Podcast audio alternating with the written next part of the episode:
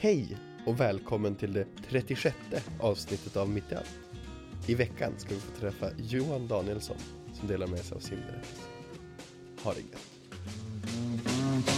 Slow down, you move too fast. You got to make the morning last. Just kicking down the cobblestones.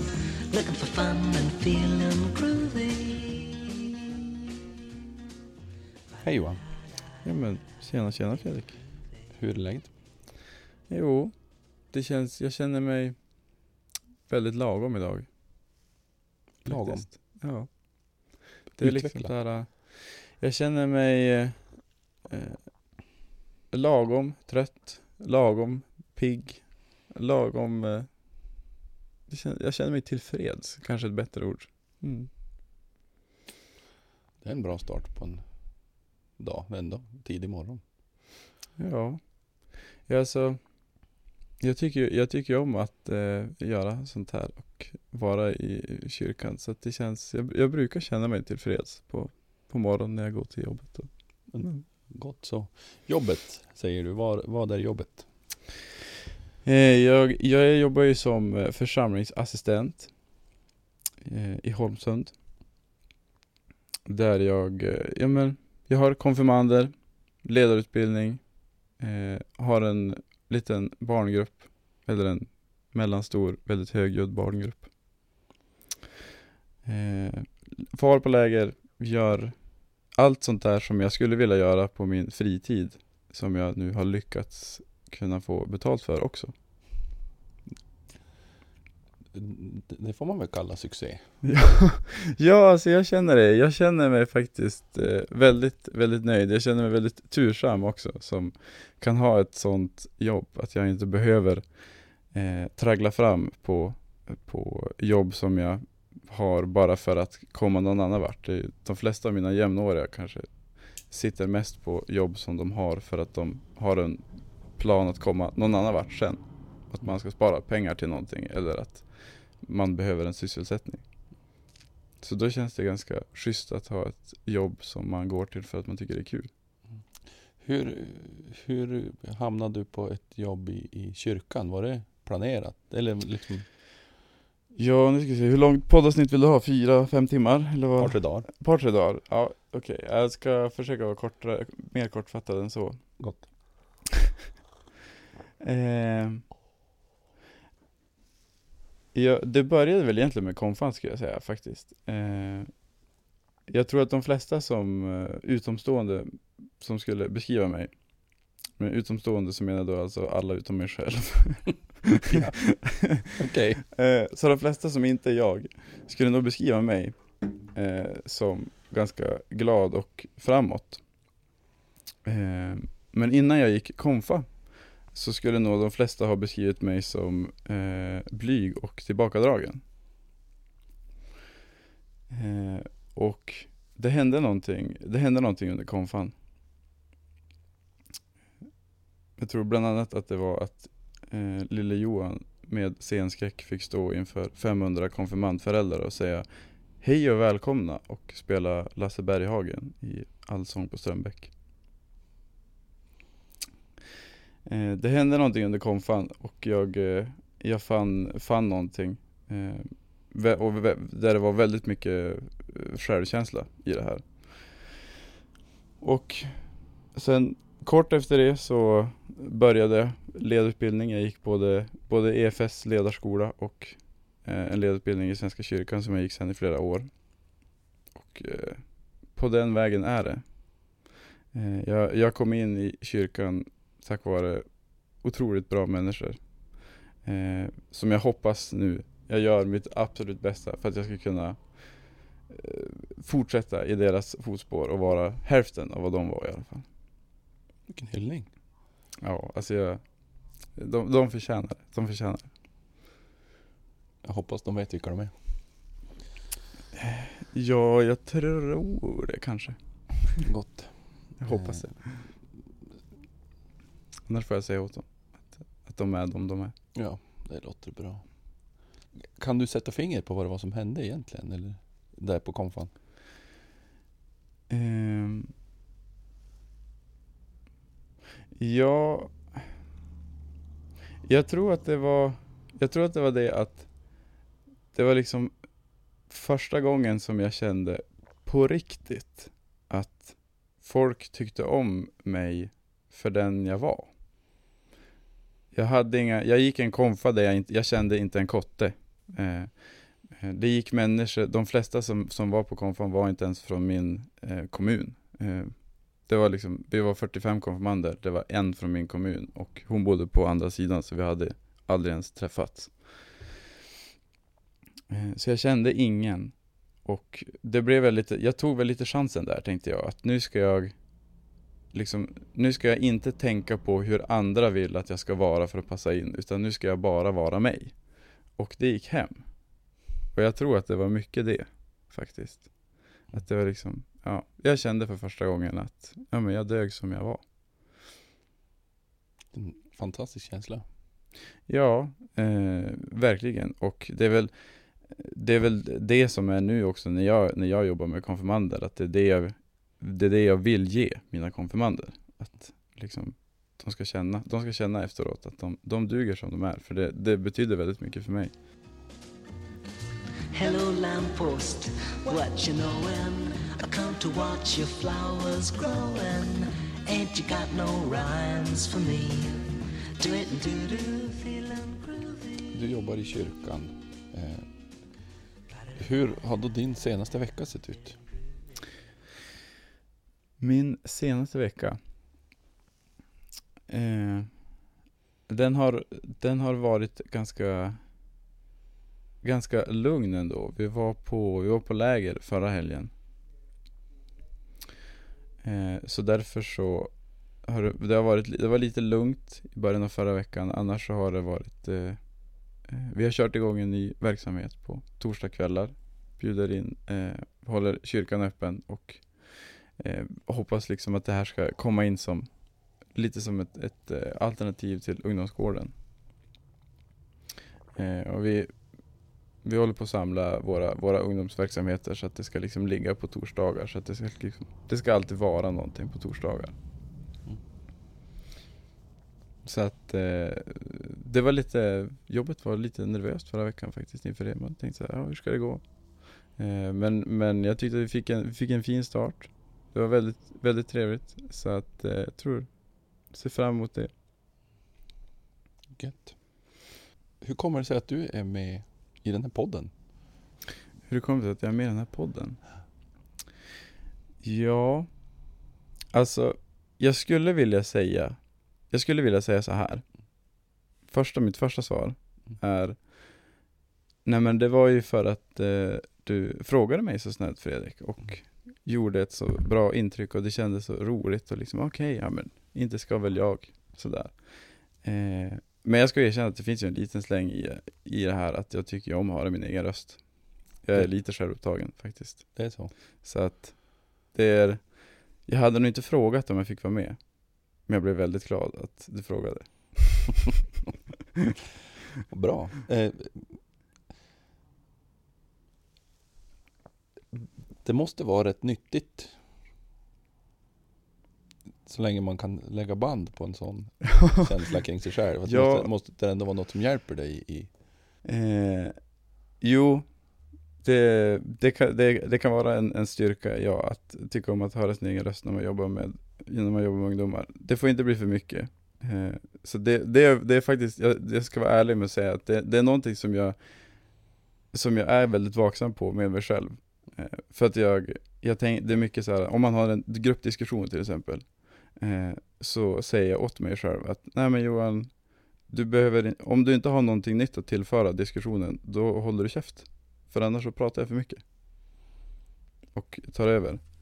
Eh, sen, så kommer, sen så kommer också in ett, ett visst eh, genustänk i det där också. Eh, för att jag, jag tycker att eh, vi killar tar upp så mycket talutrymme ändå.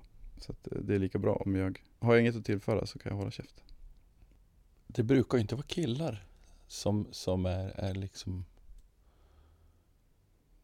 Som jobbar med att balansera det. Nu, jag hakar på det spåret. ja, just det. Eh, hur, vad, vad kommer det ifrån? Just det här genustänket. jag måste väl ändå säga att det är, lite, det är lite av en hjärtefråga hos mig. Åh, vad kul. Eh, för att Oj, ja nu kommer det bli långt här, det kommer bli långt. Eh, jag växte upp i ett hem där det var självklart att eh, alla människor var lika mycket värda och man kan inte behandla folk på olika sätt utan liksom vi, vi behandlades lika. Eh, sen så kom jag ut i världen efter att flera år och bott isolerad hos min familj. Nej. Sen så kom jag ut i världen, jag växte upp och insåg att så är det ju inte alls. Det är inte så det ser ut. Eh, människor så här behandlas hela tiden på grund av sexualitet och kön och hudfärg och allt möjligt. Eh, så det blev jag irriterad på för jag tyckte att det var fett orättvist. Eh, jag kan inte ta äran att vara, någon, att vara en aktivist, så duktig är jag inte. Eh, men jag gör det lilla.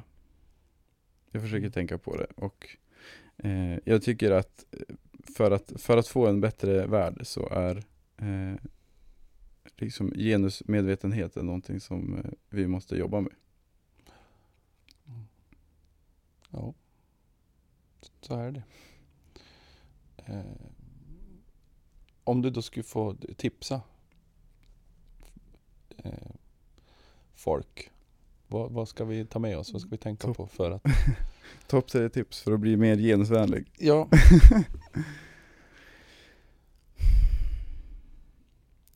Eh, tänk lite mer på andra och tänk lite mindre på dig själv.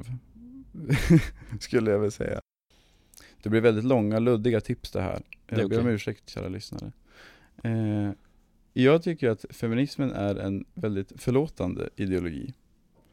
Eh, för att det jag har upplevt från feminismen är att eh, den säger att ja, men vi, vi lever i ett patriarkalt samhälle. Eh, så därför så är det inget konstigt att vi gör snedsteg då och då. För vi, vi är trots allt formade av det samhället som vi har växt upp i. Eh, däremot så måste vi också se det vi har växt upp i och vi måste ju vara, vi måste vara villiga att vi gör snedsteg då och då och det, det är okej, det gör jag också hela tiden.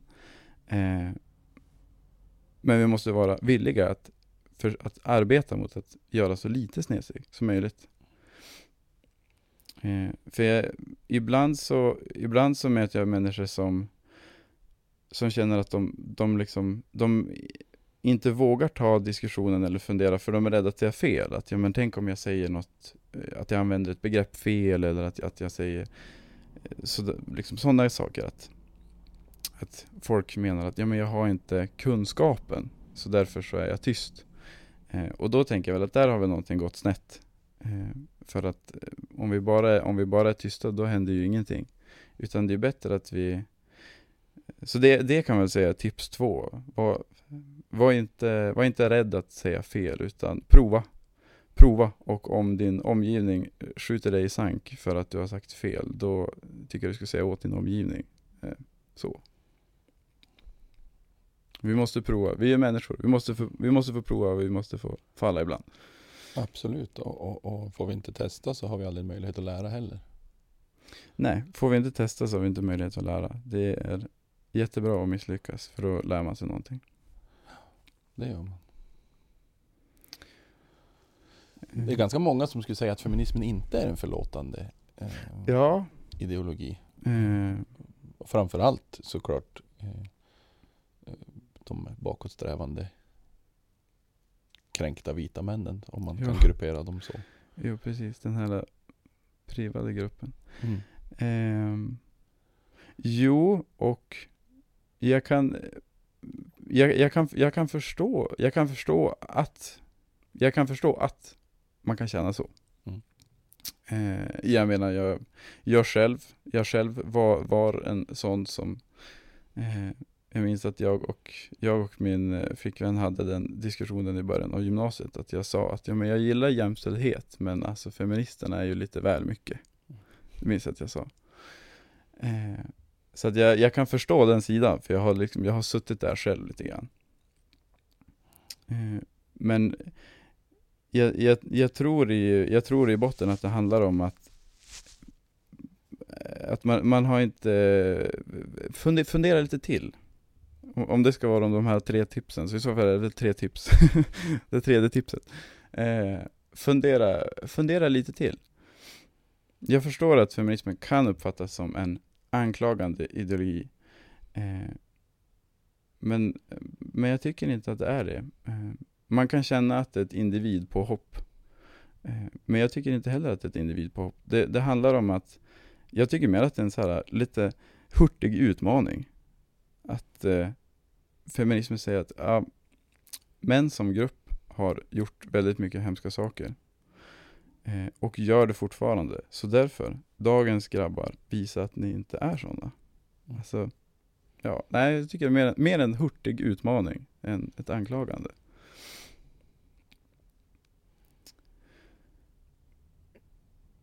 Ja, Är, är det där problemet ligger? hur man väljer att se. Ja, alltså när, när man blir, när man upplever att man blir anklagad. Då är det så lätt att gå i försvar. Ja, eh, jo, det tror jag. När man, när man känner att, att man blir anklagad som individ så går man i försvar och eh, det är väl högst mänskligt skulle jag säga.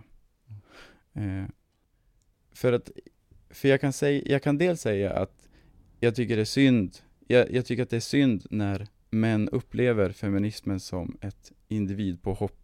Jag tycker verkligen att det är synd.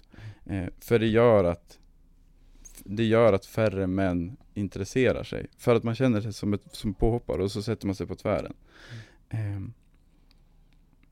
samtidigt så, även om det inte är ett individpåhopp, så, så ligger det, ändå, det ligger ändå lite i att vi som män måste acceptera att våran folkgrupp har gjort väldigt mycket dumt.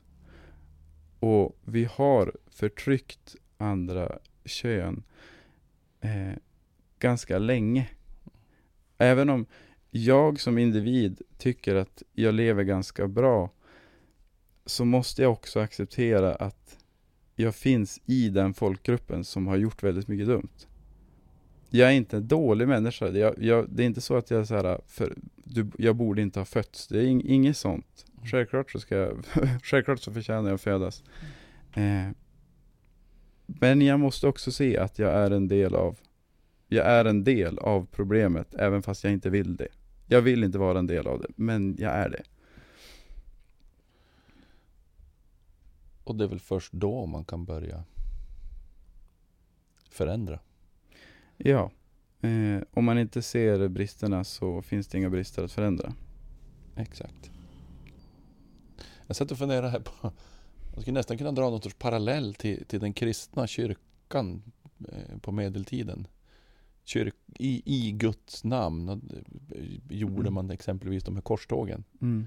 Och det är något som har hänt, det är en del av vår historia. Men det är inte jag. Jo, och, jo precis. Och, och det där har jag eh, Det där har varit mycket, speciellt efter konfan när jag, som, när jag kände att jo, men jag, tr- jag tror nog eh, ganska mycket på det här eh, som de säger ändå. Och, och jag liksom som ändå fortfarande lite osäker 15-16-åring eh, tyckte att ja men jag hör nog till den, den kristna skaran liksom. Så var det mycket så här att, eh, att jag kände att jag skulle försvara hela tiden. Att så fort någon sa någonting, någonting som någon korsriddare hade gjort eller vad som, eller vad som, vad som helst där som kyrkliga företrädare har gjort som är dåligt. Att då kände jag hela tiden att jag måste försvara det. Att eh, liksom, ja men det var ju då, och så är det inte nu och ö, liksom, ö.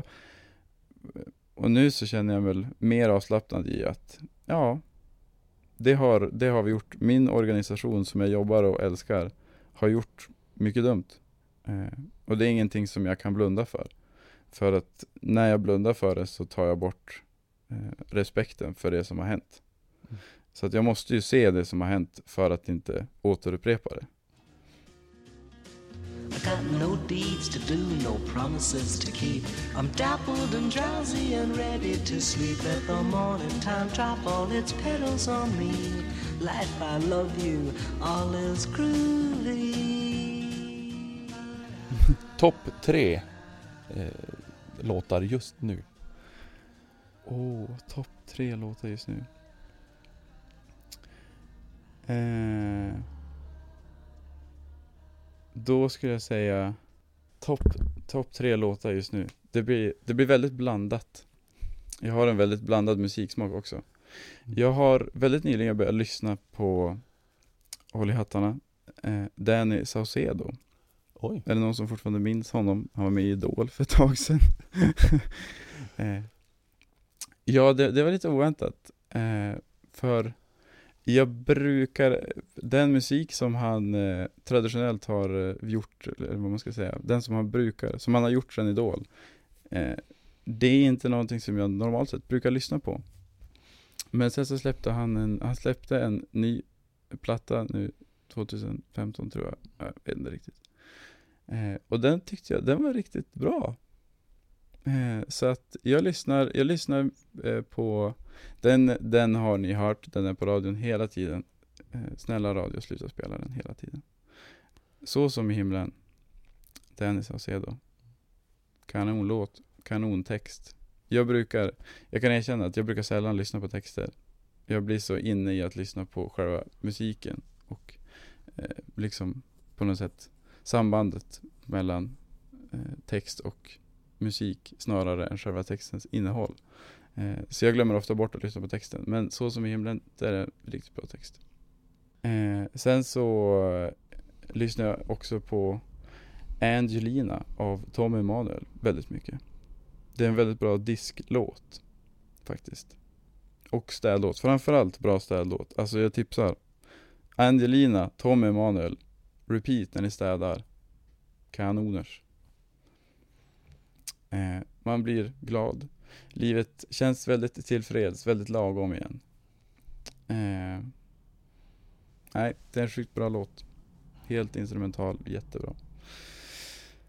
Eh, Home Free är ett annat favoritband hos mig. De, eh, eftersom att de sjunger, eh, de, eller de gör två saker i, som i, jag tycker himla gött i musikvärlden. Nämligen att de sjunger a cappella, eh, vilket jag diggar mycket. Och de sjunger country, vilket jag också diggar väldigt mycket. Så det här är alltså ett band som sjunger a cappella country och jag har svårt att tänka mig en bättre och vackrare musikform än den här. Och att välja en låt av, en topplåt av dem, det är väldigt svårt. Jag är en väldigt sån här typiskt fan som bara, jag tycker alla deras låtar är jättebra. du har inte landat helt enkelt. Nej, jag, jag fortsätter att lyssna och försöker leta en favoritlåt. Eh, Men det har inte kommit, det har inte kommit ännu för alla. Jag tycker alla är så fantastiskt bra. Hmm. Home free, spännande. Man kolla upp någon gång. Eh, vad gör musiken med dig?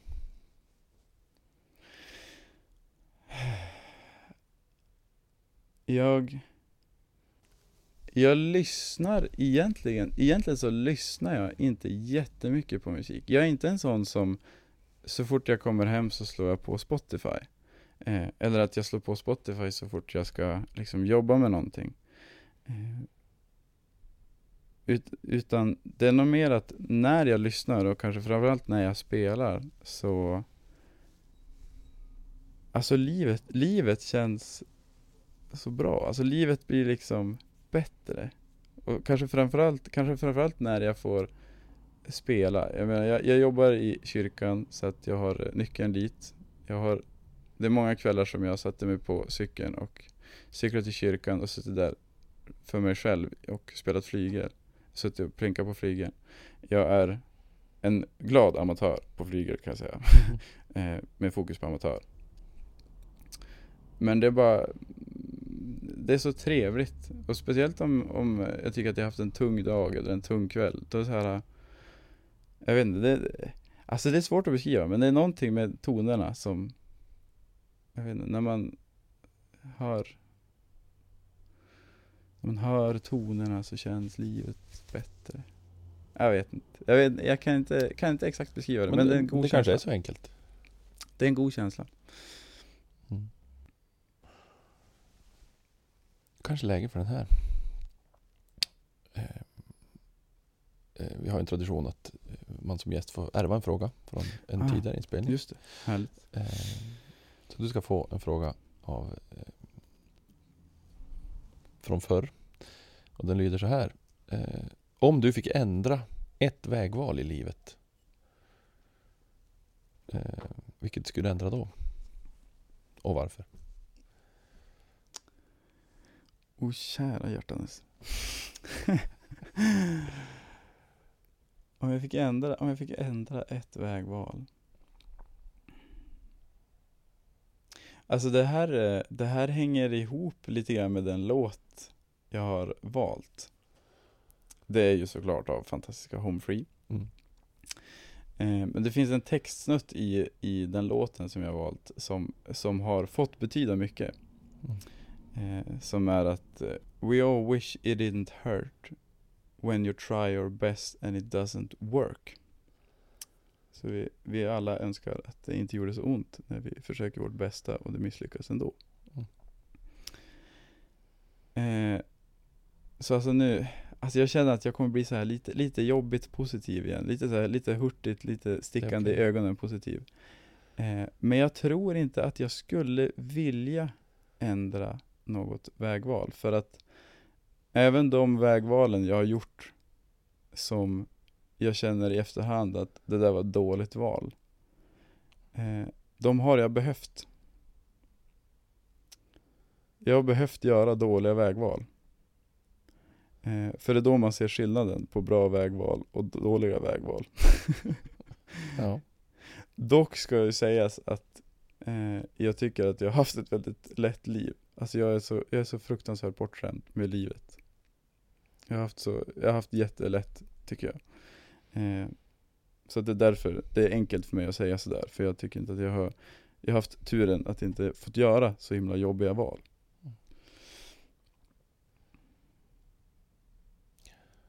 Mm. Då ska du få ställa en fråga till nästa gäst. Ja, jag tänker, eh, jag är ju en liten kyrknörd. Så jag tänker ställa en kyrkfråga. Eh, jag, jag jobbar i kyrkan, jag älskar kyrkan. Och jag tror att kyrkan kommer se väldigt annorlunda ut om, eh, i framtiden. Så därför så skulle jag vilja att nästa gäst besvarade Vad tycker du att kyrkan ska jobba med? Eh,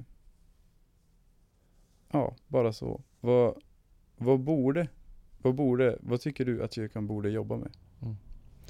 Ska du få svara på den frågan? Jag tycker jag gör det bra som komprimerar ner alla mina svar, för jag skulle vilja sitta i flera timmar. Det är okej. Ehm. Jag tycker att kyr kyrkan ska jobba med kärlek. Eh, för det är det, som, det är det som kyrka är för mig. Kyrka är kärlek. Och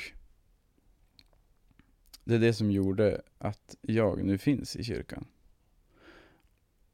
Och jag tycker att det är någonting som eh, det är någonting som vi, som vi ska hålla fast vid och fortsätta jobba. Och jag skulle gärna se att den här kärleken från kyrkan tar sig i sådana uttryck att vi eh, Eh, faktiskt tar tag i beslutet som vi har fattat att vi ska främja HBTQ. Eh, kan ju vara dags att sätta igång med det arbetet nu.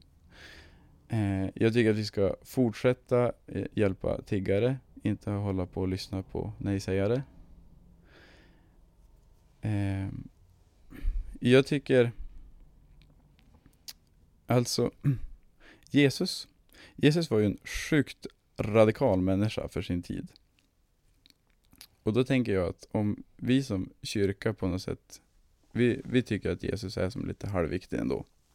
Eh, så därför så borde ju Därför tänker jag att då har vi ett litet ansvar där att vara radikala vi också och liksom våga Jag tycker att kyrkan ska, kyrkan ska alltid sätta eh, den lilla människan i fokus.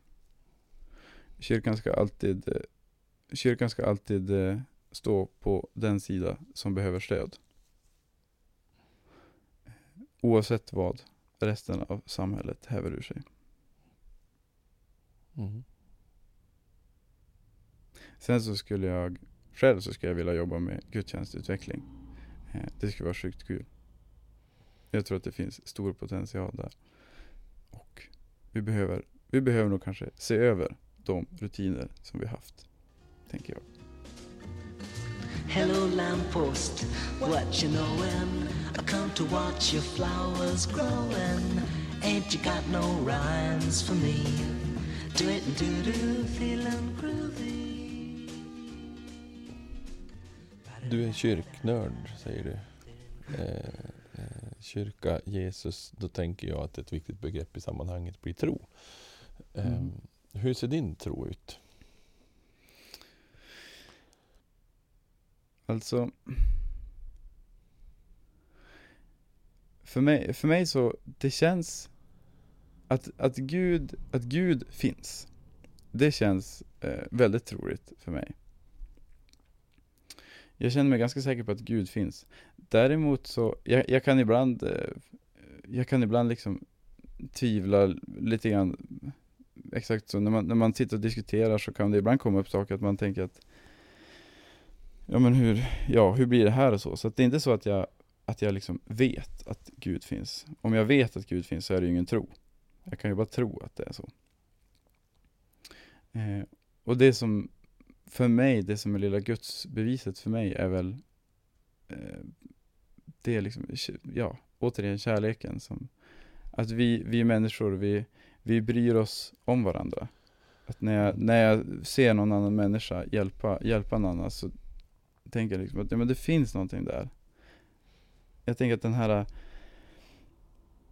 det, det här som finns i oss, att vi liksom, vi hjälps åt, att vi, vi vill varandra väl, att det jag tror, in, jag, jag tror inte att det är någonting som vi har kommit på själva.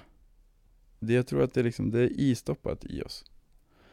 Eh, för att liksom helt och hållet, om det är helt och hållet evolutionärt, då tänker jag att då borde vi egentligen klättra på varandra, tänker jag. Alltså vi borde, när Det finns ju en fördel i att hjälpa varandra, det för ju arten framåt naturligtvis, att vi hjälper varandra.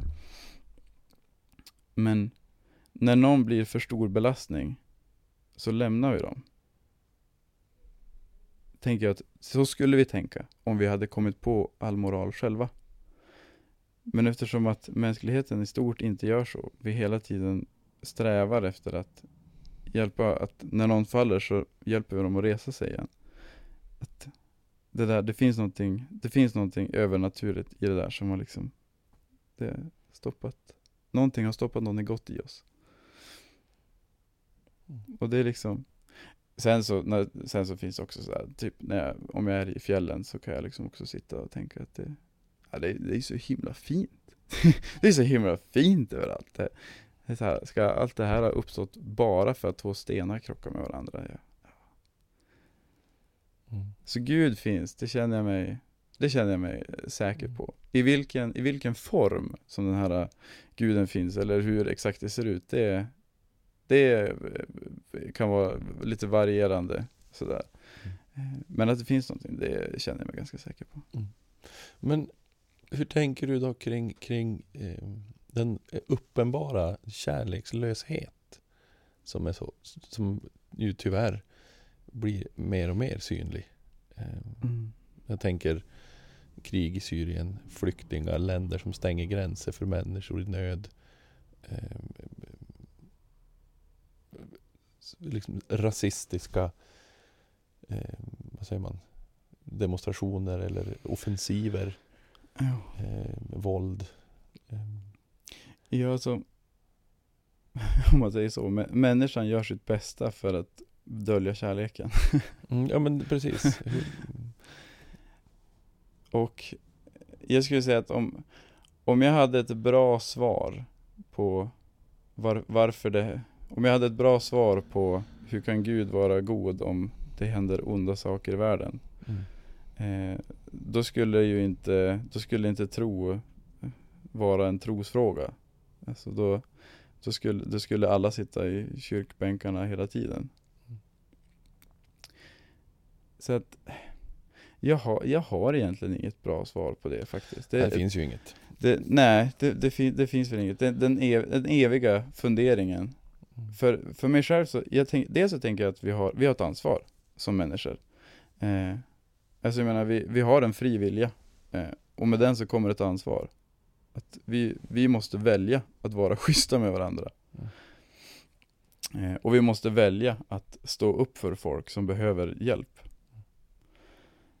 Eh, men det botar ju ingenting, det botar ju inte allt. Jag menar, det finns fortfarande naturkatastrofer och sjukdomar och fast folk står upp, fast, fast man gör sitt bästa så misslyckas man ändå och det gör jätteont. Eh, om alla helt enkelt, om alla försökte göra världen bättre så skulle den bli bättre. Och det är väl det Det är väl det jag på något sätt försöker hålla fast vid när När det känns, när det känns lite hopplöst Mm. Att eh, det här Det här kommer aldrig gå Så egentligen samma inställning som i relation till genusfrågan. Ja, Skulle, jag tror att det är mycket här i världen som skulle bli bättre om alla bara försökte ja. Eh, och det här går ju väldigt lätt att koppla in i eh, den kyrka du representerar och den, Mm. den bibel som ligger till grund för det. Med, I den gyllene regeln tänker jag. Ja, alltså jag fet diggar gyllene regeln Den, är nice. Den är så himla bra den, den funkar ju. Den funkar ju om, om alla Om alla behandlade varandra på så sätt som man själv skulle vilja bli behandlad Så då har vi som löst det, tänker jag Mm. Sen så har vi kvar, vi har kvar massa jobbiga Massa jobbiga saker ändå och det, Nu går jag tillbaka igen till Mm. eh, Guds diskussionen om, om Gud är god varför är världen ond Mm. eh, För att det, jag tänker också att det, det svåraste jag kanske som möter som kristen i min I min övertygelse om en god gud eh, Det är väl när man, när man möter människor Som är När man möter människor som försöker som, som, verkligen inte har gjort något fel men ändå råkar ut för sjukt hemska saker Mm. eh, Och då är det lätt att känna att liksom, men varför? Vad, den här människan, vad, hen har inte gjort någonting. Varför, varför sker det här? Och eh, då, Så då, då, blir, då blir jag arg, helt enkelt. Det är, då blir jag arg. Och så, jag blir arg både, jag vet inte, jag blir arg på, på mig själv, jag blir arg på, på Gud, och jag blir arg på alltihopa. Och det är inte, för den personen så tror jag knappast att det lindrar att jag säger att ja men om alla bara försökte så skulle det bli bättre. Nej. Eh, men i längden, så, Mm. i längden så blir det det. I stunden så, får- i stunden så får man bara göra sitt bästa eh, för att finnas där som medmänniska. Och så får vi fundera över, så kan man ta Guds funderingen när det har lugnat ner sig.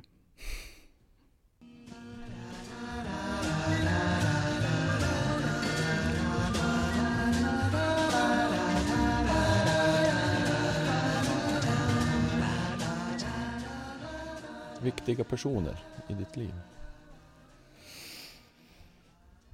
Mm. Det, för, det, de första jag tänker på är mina eh, ledare under eh, lubben. Eh, alltså Svenska kyrkans ledarutbildning. som, jag, som jag har funnits med i flera år. Ehm, jag, jag, kom, jag vet inte, jag, jag kommer väl aldrig riktigt förstå hur, hur mycket hur mycket av min självkänsla som jag har att tacka dem för. Ehm, för de har varit, de har varit helt fantastiska. Så jag, shout out till er. Att, tack så mycket. Eh, sen har även min, min morfar har eh, betytt väldigt mycket. Han eh, eh, Morfar är, eh, är- är och var, han lever tyvärr inte. Han, han eh, han var en himla god gubbe. Eh, Han, han, eh, han, var, han var en sån som, som alltid försökte vara schysst. Eh, han var inte på något sätt konflikträdd. Men försökte aldrig att vara, men försökte alltid att vara en god medmänniska. Och det där är väl någonting som har inspirerat mig mycket och jag har jag har tänkt att om, om jag lever mitt liv och i alla fall försöker vara som morfar, då har jag hittat rätt väg. Eh, han, eh, precis som, precis som jag så är han lite av en medeltid och fantasynörd. Eh, han gillar att vara ute i naturen och eh, han tycker om att liksom jobba och svettas och det där med att jobba och svettas och vara ute i naturen är väl någonting som jag i alla fall försöker inbilla mig att jag tycker om. Bara för att jag vill vara som morfar. Jag vet inte riktigt om jag tycker om det egentligen. eh, men men mor, eh, morfar har betytt mycket. Morfar har betytt väldigt mycket. Eh, han lever inte länge sa du? Nej, han det- dog i höstas. Tråkigt. Ja, jo, det, det var Det var tråkigt, det var, det var också väntat så att jag var Som sagt, jag, jag, var, jag var förberedd på det så att det, Han fanns i närheten av dig medan du växte upp? Mycket? eh, Ja, vi ha, Morfar och mormor bodde De bodde ganska långt bort eh, De bodde i Hudiksvall så att det, det är en bit att köra Men har ändå som, som barn har jag ändå upplevt att, att eh, egentligen hela släkten alltid har funnits väldigt nära. Vi har haft, eh, vi har haft turen att ha en släkt med mycket gemensamma in, intressen. Vi, vi delar mycket så att det, vi har haft väldigt trevligt. Jag hade tyckt om att träffa, träffa liksom familjen. Eh, så att släkten har alltid stått nära och då kanske just eh, mor, morfar har stått ut lite där.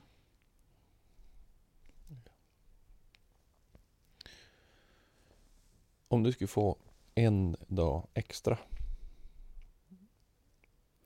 En dag extra. en dag extra, vad skulle du göra då? Men, men jag vet att allt jag gör under den dagen är förlåtet sen. Ja. Då, då, skulle jag, då skulle jag fara till eh, Porsche-butiken på Ersboda och så skulle jag sno en Porsche. Och så ska jag köra runt i den. Det skulle vara sjukt nice. Du skulle eh, bli olaglig. alltså jag skulle, vilja, jag skulle vilja köra en rolig bil någon gång. En sån här cool bil. Det skulle jag vilja göra. Du har ett sånt intresse eh, också? Eh, alltså jag tycker att det är roligt att köra. Men jag är ju lika praktiskt, eh, jag är lika praktisk som en sten typ. Eh, och har samma intresse för alla, jag har samma intresse för, för eh, specifikationerna kring bilar som jag har intresse för stenar och stenar. Ja. nej men det, nej jag, jag är inte ett dugg, jag är inte ett dugg intresserad av, av det faktiskt. Utan det är, bara, det är bara själva körningen som jag tycker är väldigt rolig. Ja. Ehm. så det, det ska jag göra, för det ska vara väldigt roligt. Men eh, jag, jag tror att om jag, om jag hade funderat längre på den här extra dagen så hade jag nog kommit kanske med ett mer moget svar. Men jag vet inte, alltså man hinner inte så himla mycket på en dag. Nej. Så då tänker jag så här, på en dag Då kan jag lika gärna, då kan jag lika gärna vara självisk. Om jag bara har en dag. Jag hinner inte så himla mycket. Så kan jag sno en bil. Jag skulle Ja men det är klart, jag skulle berätta Jag skulle, jag skulle berätta för min omgivning hur mycket jag uppskattar dem, det ska jag göra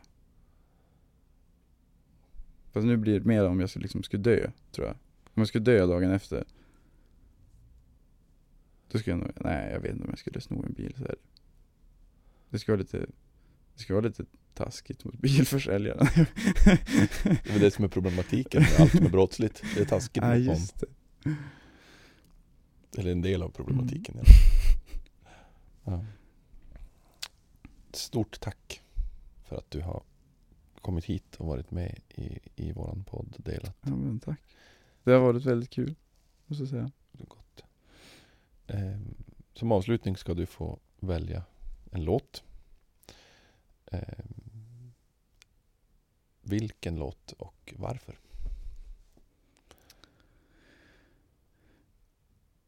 Jag somnade senare än vad jag tänkt på grund av det här. eh, jag, kände, jag kände att, ja men det är klart, ska jag välja en låt så måste det vara av Home Free. Eh, country och a cappella, det kan inte finnas en bättre mix. Eh, och så att det, var ju, det handlade bara om att välja vilken av låtarna. Och då körde jag faktiskt på What We Ain't Got. Eh,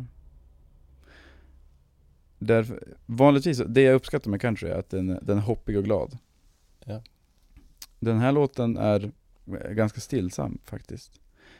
Eh, men just det här att eh, Ja, och den väldigt, den väldigt enkel text. Jag tror inte att den tog lång tid att skriva. Ehm, jag tror, jag tror också, alltså jag har inget kunnande, alltså jag kan ju ingenting. Men jag tror att det är en cover, jag tror inte ens att det är de som har gjort den ursprungligen. Men det här, vi, we all want what we ain't got. Det, det är någonting som, som jag har fått träna mig i.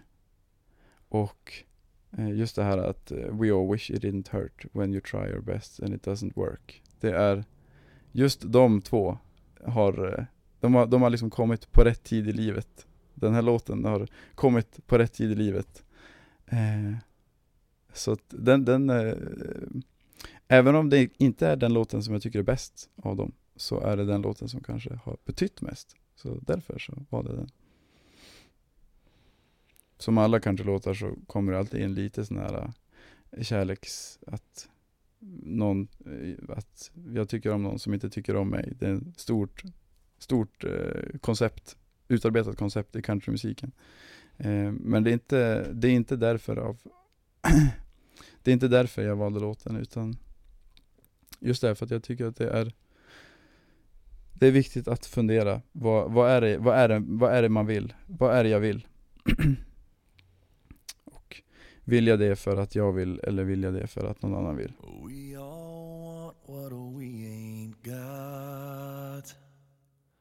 Our favorite doors are always locked. On a higher hill with a taller top. We all want what we ain't got. We aren't happy where we are. There's greener grass in the neighbor's yard. A bigger house or a faster car. We aren't happy where we are. All I want is what I had. I'd trade it all just to get her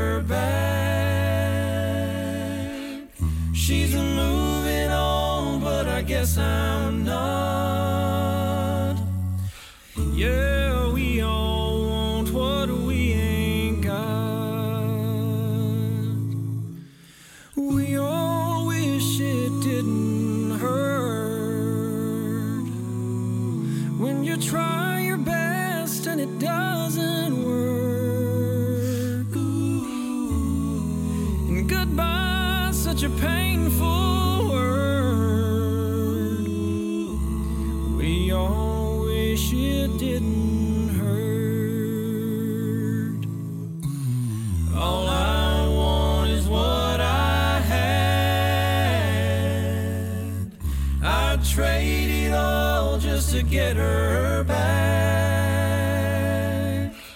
She's moving on, but I guess I'm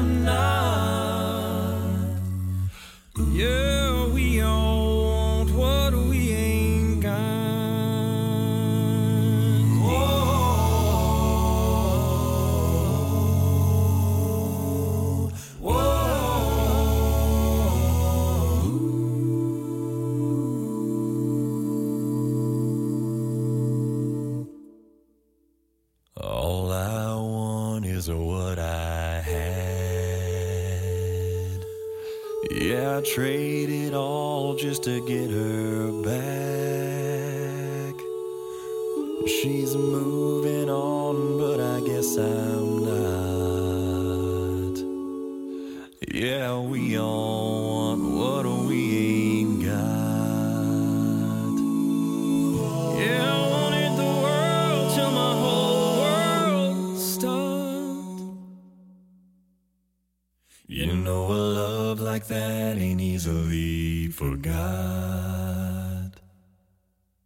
guess we all want what we ain't got. Yeah, we all.